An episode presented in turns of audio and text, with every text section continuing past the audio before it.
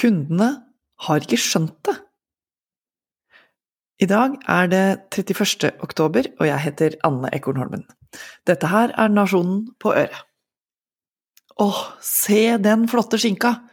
Venninnene pekte ivrig ved kjøttdisken. Vi hadde nettopp landa i Italia, og veien til første matutsalg, med salami og parma, var veldig kort. Den ser fantastisk ut, sa jeg, men blei dagens partykiller da jeg fortsatte men den inneholder 88 ganger mer antibiotika enn norsk skinke. Det er sånt man tenker på, også når blåmuggosten Nidelven Blå fra Gangstad gårdsysteri går hen og vinner sjølveste oste-VM på hjemmebane i Trondheim. Aller best av 4502 oster fra hele verden, inkludert 293 norske.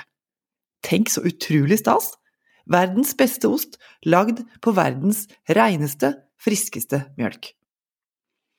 På samme måte som jordsmonn, temperatur, sol, vind og vær påvirker vindruenes vekstvilkår, og dermed svaken og kvaliteten på vinen, så vil kuas fôr og helse påvirke mjølkeråvaren.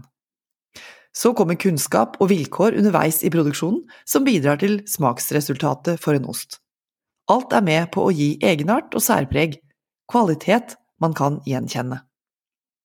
De siste åra har bredden av lokalmatprodusenter og ysterier økt voldsomt, med et stort utvalg av norske oster i butikker og fra gardsutsalg.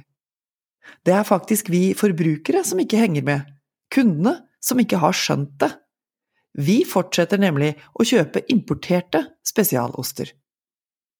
Ifølge dagligvarekjeden Menys toppliste vil nordmenn helst ha Brie de Paris og Saint-Agur, henholdsvis hvit og blåmuggost fra Frankrike, fulgt av den sveitsiske grottelagra Gruyère og italienske parmesan Regiono.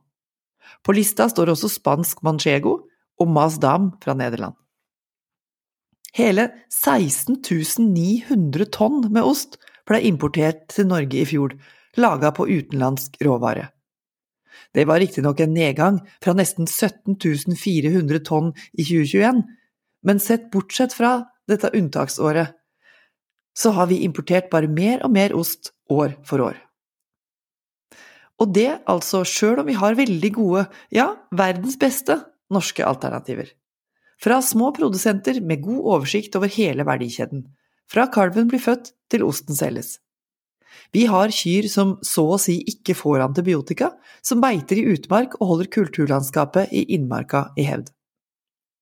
Utlandet burde etterspørre mer norsk kjøtt, vår skinke og mer av våre osteprodukter.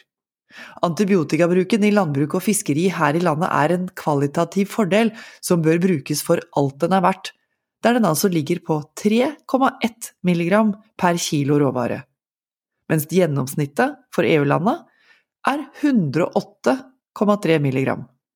Og, beklager alle parmaskinkeelskende venner, for Italias del hele 273,8 milligram per kilo. Det er altså ingen grunn til å stå med lua i handa.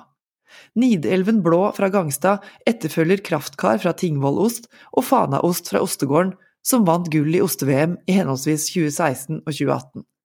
Begge opplevde en fortjent salgsboost og ble revet ut av butikkhyllene her hjemme og utenlands. Oppmerksomhet og eksport, om enn i liten skala, gir økonomisk oppsving og muligheter til videre satsing. Altså kan det være starten på et større eventyr som gir både levebrød og nye arbeidsplasser. Lokalmatstempelet vil altså ha verdi langt utover det lokalsamfunnet det er snakk om. Det har mange eplesidergründere oppdaga.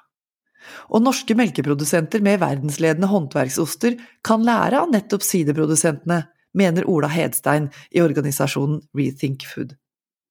Epledyrkerne har lykkes med å etablere lokal foredling av et produkt med høy verdi og økende omsetning.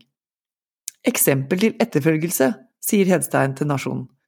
Det er ikke verre enn å nærmest kopiere ideen bak parmesanostproduksjonen i Italia. Og salgsargumentene har vi. I møte med bevisste kunder som etterspør hvordan maten er produsert, er det lett å peke på den reine naturen, en unik mattrygghet og en småskalaproduksjon så å si uten antibiotika. Norsk ost kan beviselig utklasse de europeiske bestselgerne på utseende, lukt, smak og konsistens. Aktørene i bransjen må jo åpenbart ønske det sjøl, og Innovasjon Norge er en essensiell brikke. Men skal det satses på eksport, trengs også vedvarende støtte fra politisk hold. Næringsminister Jan Christian Vestre fra Arbeiderpartiet har gjort arbeidet med å fremme norsk eksport til en kjerneoppgave i relevante deler av forvaltningen, ifølge hans egen oppsummering av de to første åra i regjering. Han har dessuten innført en ordning der små og mellomstore bedrifter kan få dekka inntil halvparten av um, kostnadene for sine eksportframstøt. For Gangstad i Trøndelag vil det kommende året antagelig bli prega av produksjon på høygir for å dekke etterspørselen. Og strengt tatt så bør den første ambisjonen for hele ostebransjen være å få nordmenn til å spise norsk ost. Nå har du hørt Nasjonen på øret. Dette her er Anne Ekornholmen, politisk redaktør i Nasjonen, og flere kommentarer finner du der du hører dine podkast, eller på fronten av nasjonen.no. Ha en god dag!